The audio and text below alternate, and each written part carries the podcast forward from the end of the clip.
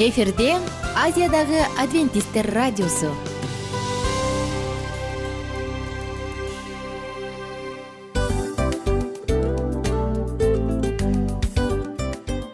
Достор салют.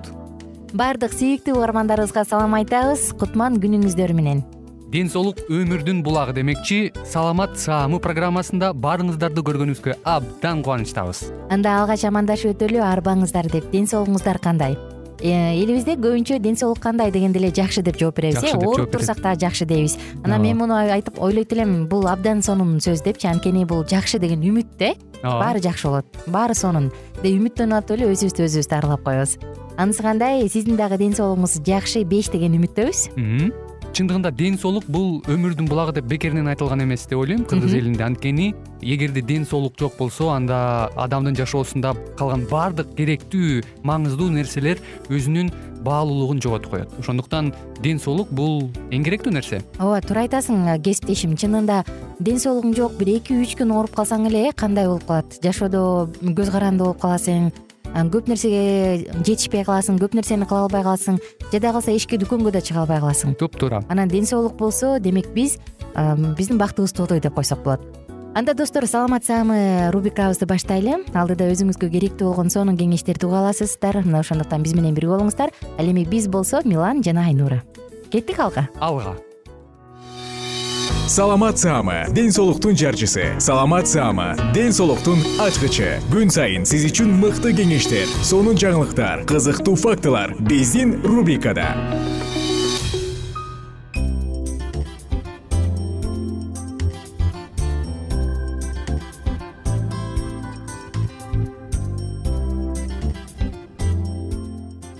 достор. Баардык угармандарыбызга ысык салам айтабыз. Сиздер менен бирге саламат саама радио баракчасындабыз кайрадан жана биз өзүн сүйгөн ден соолугун барктаган баалаган адамдардын угармандарыбыздын баардыгын дал ушул рубрикабызга чакырабыз. Анткени сиздер менен бүгүн алдыдагы дарыгерлер менен болгон маекте керектүү гана эмес маанилүү жакындарыбызга өзүбүзгө жардам берчү балдарыбызды саламаттыкта чоңойто алчу сонун маалыматтар менен бирге маалымдар болобуз мына ошондуктан угармандар баарыңыздарды биз менен бирге болууга чакырмакчымын. Анткени бүгүн чындыгында алдыдагы дарыгерлер менен болгон маекте өзүңүзгө керектүү сонун маалыматтарды ала аласыздар.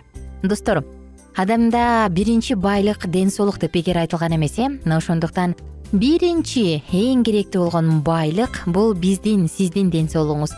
Үстүңдөгү үч кабат үй алдыңда беш түрлүү машина кымбат баалуу унаалардан эч бир пайда жок. Эгерде ден соолук болбосо. Ошондуктан угармандарыбыздын баардыгына бекем ден соолук каалоо менен бирге биз саатыбызды баштадык. Алдыдагы маалыматтар сиздер үчүн. Достор эгер суроолор болсо сөзсүз түрдө саламат клуб сайтынын ютуб каналына кирип ал жакка комментарий калтырып суроо жөнөтсөңүз болот. Биз сиздин сурооңузду жоопсуз калтырбайбыз. Жагымдуу мүнөттөрдү бирге тосолу сурайын дегем да энеси демек спид менен ооруп калса вич жугузуп алган десейинчи вич инфицированный деп коебуз го. Анда ал эне эгер убагында билип дарыланса түйүлдүккө берилбейт э? Түйүлдүккө берилбейт. Эгер убагында дарыланса сүт эмизүү кандай болот? Бул жаатта эмизе береби сүт эмизүүнү биз консультирование жүргүзөбүз да. Сүт эмизбеген эмизбегенди сунуштайбыз. Кесарево сечение деп операцияны да сунуштайбыз. Бирок көбүнчөсү өзүлөрү эле төрөйт. Эмчек сүтүн эмизбейт көпчүлүгү эле эмизбейт андан кийин баягы үй бүлөлүк дарыгерлер топторунда айыл өкмөттөрдө баардыгында бюджетте каралган. Эгер вич инфицированный эне төрөлүп калса бир жылга чейин баласын бекер э, сүт азыктар менен камсыз кылып турушат бул атайын турду менде дагы суроо бар ушундай. Бул вич инфекциясын жугузуп алгандан вирусун жугузуп алгандан кийин адам болду. Бул эми өмүр бою таблетка ичип дарыланып жүрөт анан акыры эле ушундай баягы өлүмгө барат деп өзүнө өкүм чыгарылабы же айыгып кеткен бир кереметтер болду беле буга чейин же болуп жатабы? Эми вич инфекцияны укканда ар бир киши конечно стресс болот көпчүлүгү өлөм деп чыгат аябай настроениясы бузулат да чынында көпкө чейин бизге келбейт баягы эсине келип баягы доктурга барышым керек деп мөбөт кечектиги көпкө чейин келбейт. Анан бирок дарылана баштагандан кийин биз түшүндүрүп айтабыз да дарыны өмүр бою ичесиң кадимки соо адамдай эле жирип жашай бересиң. Үйлөнсөң да болот балалуу болсоң болот дегенден кийин анан алардын көңүлү көтөрүлүп жашоого үмүтү болот. Мынча вич спид менен ооруган киши эки жылда эле үч жылда өлүп калат деп айта албайбыз ал дарыны ичкен киши баягы кудай берген жашка чейин жашайт. Бирок дарыны убагында ичиш керек. Эми мурда жети сегиз таблетка онго чейин таблетка иччү да э, күнүгө. Азыркы күнү бир гана таблетка ичет. Комбинированный препараттар чыга баштады. Уже өнүгүп баштады. Илим менен техника өнүгүп атат. Уже бир эле дарыны ичишет дагы. Э, бир маалда бир таблетканы ичет. Азыр аябай жакшы анан кийин үйлөнүп атышат мисалы бизде паралар бар. Күйөөсү вич инфицированный аялы таза же аял вич инфицированный күйөө таза. Э, бала төрөлүп атат вич инфекциясын алып жүргөн. Ошон үчүн келечекке келечекте жакшы үмүттөтүп дарысын ичип эме кылса баардык эле соо адамдардай эле жашай берет. Ушуга эле уланта суроо э, вич инфицированный адам сиздерге келип учетко турат да. Сиздер анан учетто болот да. Андан ары ал башкаларга да жугузбаш үчүн же кимдир бирөөнү алдап эми катары эле адам катары бирөөнү башкачу албаш үчүн ал башка адамдарга да жугузуп көбөйтпөш үчүн кандайдыр бир иш чаралар көрүлөбү маектир жүргүзүлөбү мамлекет бул тарапта кандай көзөмөлгө алат аларды? Аны көзөмөлгө алынат. Э, вич инфекциясын алып жүргөндөргө расписка алабыз өзүмдүн оорумду билип туруп башка бирөөнө жуктурбайм деп расписка жазып беришет. Анан кийин билип туруп анан башкага жуктурду деген жуктурду мага жуктуруп сал деп кайрылгандар жок. Алар деле умышленно билип туруп заражать этсе статья бар уголовный кодекс статьясы бар. Төрт жылга чейин эркинен ажыратылат ажыратылат деген статья бар анан медиктер дагы бул вич инфицированный деп эч кимге жарыялабайбыз врачебная тайна деп коебуз калат анонимдүү болот строго конфиденциальный болот. Анан ал вич инфекциясын алып жүргөн киши тууганын айтабы энесин айтабы досуна айтабы кимге айтат ал өзү чечет. Биз только өзүнө гана айтабыз. Анан аркы судьбасын өзү чечет да. Кээ бирөө бар эми ата энесине айтат кээ бирөөсү бар аялына айтат бир моральный поддержка кылышат бири бирин дарыны убагында ичкенге тамагын жакшытайт мындай моральный поддержка кылган үй бүлөлөр көп эми бул иммунитети начар иммундук дефицит болгондуктан аларда баягы күчтүү тамак витаминдүү тамак болбосо э мындай ооба ден соолугун карап спорт менен заниматься этип баягы өзүн өзү э, караш керек да эми соо адамдар деле өзүбүздү караш керек бирок алар тем более караш керек да.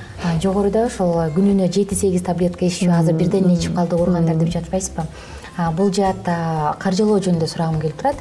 Ал оорулар өздөрүн өздөрү каржылайбы же аларга дарылар бекер берилеби бизди бизги негизги донорубуз глобальный фонд болуп саналат. Глобальный фонд тарабынан эки миң он алтынчы жылга чейин алар бүт кыргызстандагы лабораториялар тест система менен камсыз кылыш үчүн анан ооруларды дарылар менен камсыз кылчу да. Эки миң он алтынчы жылдан баштап баягы глобальный фонддун деле өзүнүн талабы бар экен да. Мамлекет өзү кызыктар болуп кичине финансированияны башташ керек. Ага чейин финансирование каралган эмес эки миң он алтынчы жылы глобальный фонд жыйырма беш процентке кыскартылган да финансированиясы кыскартылганда чоң жумушчу топ түзүлгөн. Баягы мамлекеттик каржылоого өтүү боюнча иш жол картасын иштеп чыгуу боюнча э, эме түзүлгөн. Рабочий группа түзүлгөн. Ал рабочий группага өкмөттөн жогорку кеңештен министерстволордон бейөкмөт уюмдардан нполордон баардык кишилер катышып ошондо чечим кабыл алынган жыл сайын жыйырма миллион сомдон бөлүп берүү боюнча. Ошол мисалы он алтынчы жылы жыйырма миллион сом бөлүнгөн он жетинчи жылы кырк миллион болду. Былтыр быйыл алтымыш үч миллион сомдон бөлүп берди. Биз бүгүнкү күндө ошол э, мамлекеттин каржылоосунун аркасында биз кыргызстанда отуз беш лабораторияны полный тест менен камсыз кылабыз. Өзүбүз сатып беребиз бюджеттен. Андан кийин элүү процент дарыны уже элүү процентке жеттик дарыны бюджеттин эсебинен сатып беребиз достор биз кызыктуу мүнөттөрүбүздүн соңку мүнөттөрүндөбүз соңку учурларындабыз. Соңку гана көз ирмемдер калды. Угармандарыбыздын ар бирине кааларым бекем ден соолук ден соолук бул сиздин ааламыңыз эгер бут кийимдин тар болсо дейт бут кийимиң анда дүйнөнүн кенендигинен кандай пайда дейт? Анысы кандай? Дүйнөдө канча байлык болбосун канча сонун нерселер болбосун бирок ден соолук болбосо андан бир тыйынча да пайда жок. Ошондуктан сиздин кооздугуңуз сиздин кооз ааламыңыз бул ден соолуктан башталат. Аны сактаңыз баалаңыз кийинки уктуруулардан кайрадан амандашканча деп коштошом бар болуңуздар.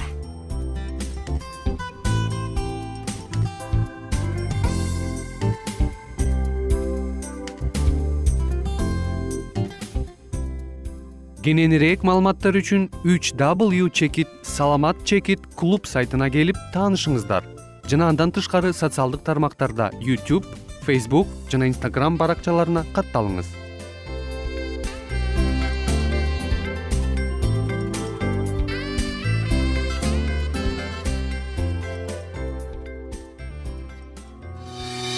Саламат саама ден соолуктун жарчысы. Саламат саама ден соолуктун ачкычы. Күн сайын сиз үчүн мыкты кеңештер сонун жаңылыктар кызыктуу фактылар. Биздин рубрикада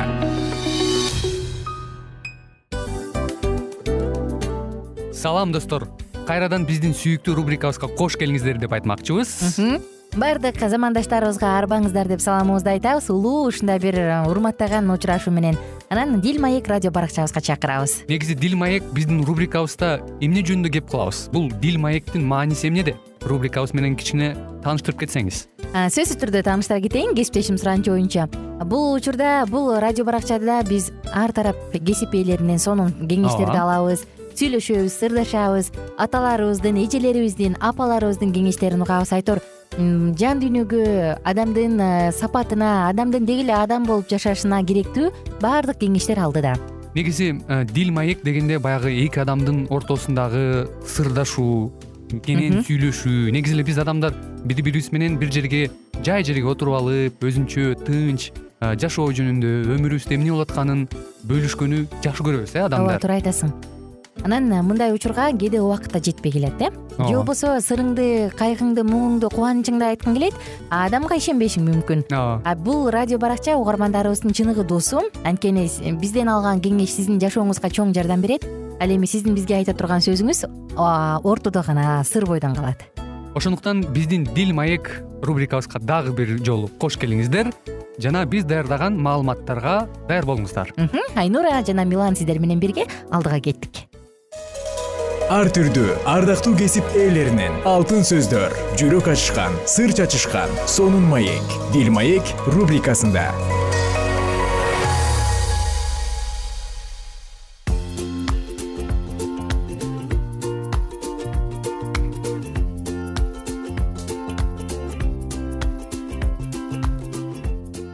салам достор. Баардык сүйүктүү угармандарыбызга салам айтабыз. Жана сиздер менен бирге амандашып кайрадан жагымдуу саатыбызды баштадык. Маектешчү баарлашчу сыр чачышчу учурубуз демек албетте бул дил маек радио баракчасы. Достор биз сиздер менен бирге руханий мурас жашыя деп аталган китепти баштаганбыз. Бул ыйман адеп жана маданият жылына карата чыккан сонун китеп бүгүн болсо биз саатыбызды андан ары улантып бул теманын негизин ачып бергенге аракет кылалы биз менен бирге болуңуздар. Китептин аягында боло турган окуялар жөнүндө кызыктуу да кайгылуу да кабар берилет. Элге ишенимди ыйманды сактоо чакырыгы ташталганда баары жапырт кудай сактасын. Биз эч качан жараткан эгени таштап башка кудайларга кызмат кылбайбыз деп жооп берет. Бирок жашия элге ишенбей мындай дейт. Жок силер жараткан эгеге кызмат кыла албайсыңар. Жыйырма төрт он тогуз. Бул сөздүн руханий да тарыхый да чындыгы байыркы келишимдин аягына чейин кайра кайра айгине болуп ыйса келип адамзатка жарыялаган жакшы кабардын негизин түзөт. Жеккилең адалдыкка жетип кылт этпей кудайдын артынан ээрчүү кимдин колунан келет? Албетте жашиянын сөзүн уккан эл жок биз жараткан эгеге кызмат кылабыз деп жооп кайтарат. Биз да көп учурда алардын убадасына кошула калабыз бирок берген убадасына карабай ысрайыл эли кудайды ээрчибей коет. Кийинки китеп бийлер китеби ошонун айкын далили. Нундун уулу жашиянын китебинде канаан эли үчүн да жакшы кабар бар. Өткөндөгүнү күнөөлөрүн таштап кудайдын жолуна түшүп аны ээрчүүгө далалат кылышса алар да кудай элинен башбаанек таба алышмак бул жакшы кабар бизге да тийиштүү. Ушул ыйык жазууну окуп чыгып батылдык менен жашообуздагы күнөөлөрдү жок кылып өмүрүбүздү кудай эгебизге багыштоого бизде да мүмкүнчүлүк бар. Кудайдын жашияга берген буйругу. Кудайдын кулу муса дүйнө салгандан кийин мусанын жардамчысы нундун уулу жашияга жараткан эге мындай деди. Менин кулум муса көз жумду. Эми өзүң башпааник болуп бүт эл журтуң менен мына бул иордан дарыясынын аркы өзүнө мен ысрайылдын урпактарына бергени жаткан жерге өтүп бар. Мусага убада кылганымдай таманыңар тийген жердин баарын өзүңөргө беремин. Түштүктөгү ушул чөлдөн түндүктөгү ливан тоолоруна чейин чыгыштагы ефрат дарыясынын батыштагы жер ортолук деңизге чейинки жерлер жана хеттердин баардык жерлери силердин чегиңер болот. Өмүрүң өткөнчө эч ким сага каршы тура албайт. Мен мусаны кандай колдосом? Сени да ошондой колдойм. Сенден эч качан алыстабаймын сени таштабаймын. Бекем кайраттуу бол. Мен ата бабаларыңа беремин деп ант берген ошол жерди аларга сен алып бересиң. Сен тек гана бекем кайраттуу бол менин кулум муса берген мыйзамдын баарын сактап так аткар баардык иштериң ийгиликтүү болуш үчүн андан оңго да солго да бурулба. Тооратта жазылгандар оозуңдан түшпөсүн. Анда жазылгандардын баардыгын так аткарыш үчүн алар жөнүндө күнү түнү ой жүгүрт ошондо акыл эстүүлүк менен иш кылып өркүнүң өсүп ийгиликтүү болосуң. Мен сага буйрук кыламын. Бекем кайраттуу бол эч коркпогун көңүлүң да чөкпөсүн. Анткени кайда барсаң да кудай эгең сага жар болот. Жашиянын элге берген буйругу. Ошондон кийин жашия эл башкаруучуларына мындай деп буйруду. Конушту аралап элге жол азык камдагыла үч күндөн кийин ушул иордандын аркы жээгине өтүп кудай эгеңер силерге берип жаткан жерге ээлик кылуу үчүн киресиңер деп буйрук бергиле. Ал эми рубейин гад урууларына жана банаш уруусунун жарымына жашия мындай деди. Жараткан экибиздин кулу мусанын буйрук кылып айткан сөздөрүн эстегилечи. Ал кудай эгеңер силерге бейпилдик тартуулап ушул жерди берди деп айткан. Аялдарыңар балдарыңар мал мүлкүңөр иордандын ушул өйүзүндөгү муса силерге берген жерде калсын ал эми согушка жарактуулардын баары куралданып бир туугандарыңардын алдында дарыядан өтүп аларга жардам берсин. Эгеңер силерге тартуулагандай бир тууганыңарга да бейпилдик берип кудай эгеңер берген жерди ээлик кылып алганча аларга жардам бергиле. Ошондон кийин эгеңердин кулу муса силерге иордандын күн чыгыш тарабынан энчиге берген жериңерге кайтып келип отурукташасыңар алардын баары жашияга бизге эмнени буйрусаң баарын аткарабыз кайда жиберсең ошол жака барабыз деп жооп беришти. Биз мусага кандай моюн сунсак? Сага да ошондой моюн сунабыз. Мусаны колдогон кудай эге сени да колдосун. Сенин буйругуңа каршы чыгып сөзүңө кулак салбаган ар бир адам өлүмгө өкүм кылынат. Болгону сен бекем кайраттуу бол нундун уулу жашия шиттим калаасынан эки кишине барып канаан жерин андагы ирихон шаарын чалгындап келгиле деп жашыруун жиберди. Алар жөнөп кетишти да рахап аттуу сойку аялдын үйүнө келип ошол жерде түнөп калышты. Ошондо ерихондун падышасына бүгүн түнү бул жакка жерибизди чалгындоо үчүн ысрайылдыктар келишиптир деген кабар жетти. Ерихондун падышасы өз кишилерин рахапка жиберип үйүңө келген кишилерди сыртка чыгарып бер алар жерибизди байкап чалгындоо үчүн келишиптир деп айттырды. Бирок аял ал экөөнү тең жашырып койгону болчу. Ооба мага чоочун бирөөлөр келишкен бирок алардын кайдан келгенин билген эмесмин деп жооп берди аял. Алар күүгүмдүү шаар дарбазалары жабылар убакта кетип калышкан. Кай тарапка кетишкенин билбеймин тезирээк алардын артынан сая түшсөңөр кубалап жетесиңер. Кызык э достор? Бул окуяны андан ары кийинки уктуруубузда улантабыз ага чейин биз менен бирге болуңуздар күнүңүздөр көңүлдүү улансын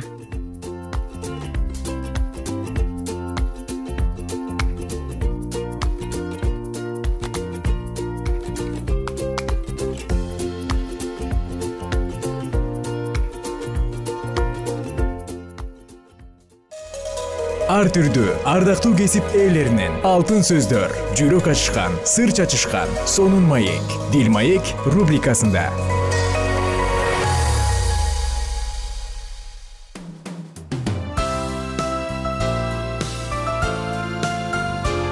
Эфирде азиядагы адвентисттер радиосу.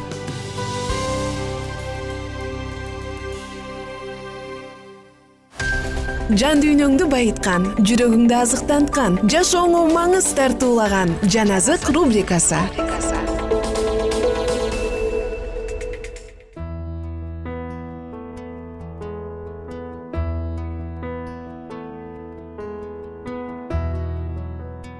Амансызбы бурадарым амансыздарбы сүйүктүү достор. Жалпыңыздар менен жан азык радио баракчасын баштадык. Кымбаттуу достор бүгүнкү уктуруубузда сиздер менен бирге жаназык радио баракчасында пайгамбарчылык китеби акыркы муунга өзгөчө чындыктарды ачып берген аян китебинин тегерегинде талкуубузду улантабыз биз бул уктурууда дүйнөнүн келечеги эмне болот? Бизди эмне күтүп турат? Неберелерибиз балдарыбыздын келечеги кандай болот? Деген бизди түйшөлткөн оор суроолордун тегерегинде кайрадан темабызды улантып жана албетте бул жаатта сонун сонун чындыктарды инжил китебинен ачууга даярбыз. Сиздер менен бирге ушул китептин он жетинчи чыгарылышында биз аян китебинен күкүрттүү көл деп аталган дагы бир чындыкты ачып берип жатканбыз. Бир аз болсо дагы мурунку уктурууларыбызга кайтсак күкүрттүү көл тозок деген эмне? Ал качан пайда болгон жана качан пайда болот? Ал триллиондогон жылдар бою күйүп турабы? Кудай адамдарды триллиондогон жылдар бою кыйнайбы? Мына ушул тууралуу сөз кылып жатат түбөлүк от деген эмнени түшүндүрөт дегенде бул албетте биз түбөлүк жаза дегенди түшүндүргөндүгүн дагы айтып өткөнбүз. Бүгүн болсо темабызды андан ары уланталы кудай асманда өзүнүн тактысында олтуруп алып мен сага айткам мына эми күйүп жатасың сени от жалмап жатат оттун тили каптап жатат. Сен өзүң татыктуу болгон жазаны алып жатасың. Мен сага айткам муну дебейт достор миң жыл өткөндөн кийин ал кайтып келип мындай десе. Мен сага эскертүү бербедим беле. Бул эмне болгон кудай? Сиз машаякчы катары кудайга ушундай кылуу жагат деп айта аласызбы? Кудай адамдар миллиондогон жылдар бою тозокто күйө тургандай кылат дейсизби? Библия бул темада ачык эле айтат. Мына эмне деп жазылганын окуй кетели филиппиликтерге жазылган кат үчүнчү бап он сегиз он тогузунчу аяттар. Анткени машаяктын айкаш жыгачынын душмандары катары жашагандар көп. Алардын акыры өлүм. Грек тилиндеги өлүм деген сөз библиядагы абдан маанилүү жана күчтүү сөздөрдүн бири. Ал толук жутуп салуу же бүт бойдон жок кылуу дегенди түшүндүрөт ошондой эле ал толугу менен кырып салуу дегенди дагы түшүндүрөт. Матай китеби жетинчи бап он үчүнчү аят. Кең дарбаза менен кенен жол өлүмгө алып барат. Библия адилетсиздер жок болот деп окутат. Библия адилетсиздердин тагдыры жөнүндө ачык эле айтат. Адилетсиздер өлөт. Римдиктерге алты жыйырма үчтө күнөө үчүн жаза өлүм деп айтылган. Эгер адам тирүүлөй күйө турган болсо анда өлүм өлүмбү?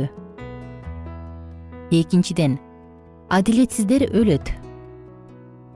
Лука китеби он үчүнчү бап үчүнчү аятта эгерде тобо кылбасаңар баардыгыңар ошолорго окшоп өлөсүңөр деп жазылган. Үчүнчүдөн адилетсиздер күйүп кетет. Малахия төртүнчү бап биринчи аятта. Анткени мына мечтей алоолонгон күн келе жатат. Ошондо баардык текеберлер менен мыйзамсыз иш кылгандар саман сыяктуу болушат. Аларды келе жаткан күн өрттөп кетет дейт сибайот теңир. Алардын тамырын да бутагын да калтырбайт. Төртүнчүдөн. Адилетсиздер толугу менен жок болушат. Забур китеби отуз алты жыйырмада мындай деп жазылган. Ал эми кудайсыздар өлүшөт. Теңирдин душмандары козунун майындай жок болот. Түтүндөй тарап кетет. Бешинчи. Адилетсиздер топуракка айланышат. Малахия төртүнчү бап үчүнчү аятта мындай делет. Мыйзамсыздарды тебелеп тепсейсиңер анткени алар мен белгилеген ошол күнү силердин бутуңардын астында топурак болуп калышат дейт сибайот теңир. Алтынчыдан адилетсиздер таптакыр болбогон сыяктуу жок болушат. Обадия он алтыны карасак. Анткени силер менин ыйык тоомду каар чөйчөгүнөн ичкениңердей эле. Баардык элдер да андан дайыма ичишет. Алар ичишет жутушат. Ошондо алар жер үстүндө такыр болбогондой болушат. Бул негизги башкы текст. Библия алар таптакыр болбогондой болушат дейт. Кудай аларга жашаганга мүмкүнчүлүк берген. Кудай аларга жашоодон ырахаттанып жашаганга мүмкүнчүлүк берген алар болсо андан баш тартышты. Сүйүүгө толгон кудай кийин кайра көтөрүлүш болуп кайра күнөө пайда болбош үчүн аларды асманга эркине каршы алып бара албайт. Сүйүүгө толгон кудай аларга жашоого мүмкүнчүлүк берди. Кызык э достор бул теманы угуп жатып мен дагы көп нерсенин тегерегинде ойлондум жана ишенем сиз дагы көп нерсенин тегерегинде ойлонуп жатат болушуңуз керек деп. Айтор кандай гана болбосун кудайдын бизге берген азыркы учуру бизге болгон белек. Бул сиздин жашаганыңызга жаратканга ишенип кубанычтуу түбөлүктүү үмүткө ээ болушуңузга мүмкүнчүлүк. Караңызчы. Азыр эгер сиз мына бүгүн мына азыр куткарылууга ээ болуп ыйсанын сиз үчүн өлгөнүнө ишенсеңиз демек сиз болочокто түбөлүктүүлүктө албетте жаркын шаарда кудайдын падышачылыгында мындайча айтканда баягы элдер бейиште деп коет эмеспи бейиште болосуз. Мына ошондуктан бүгүн дагы сизге туура жана жакшы ушундай бир ишенимдүү тандоо жасашыңыз үчүн кудайыбыз сизге жардам берсин. Кийинки уктуруулардан кайрадан амандашабыз ага чейин сак саламатта туруңуздар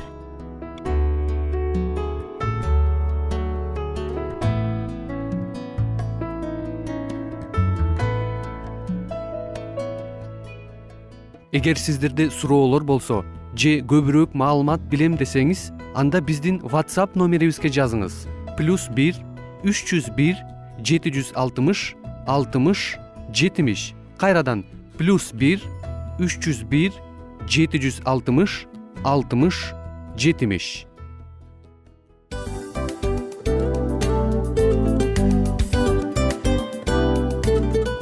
мына ушинтип убакыт дагы тез өтүп кетет экен. Биз дагы радио уктуруубуздун аягына келип жеттик келип кубандырдыңар эми кетип кубандыргыла деп тамашалап калышат эмеспи анысы кандай?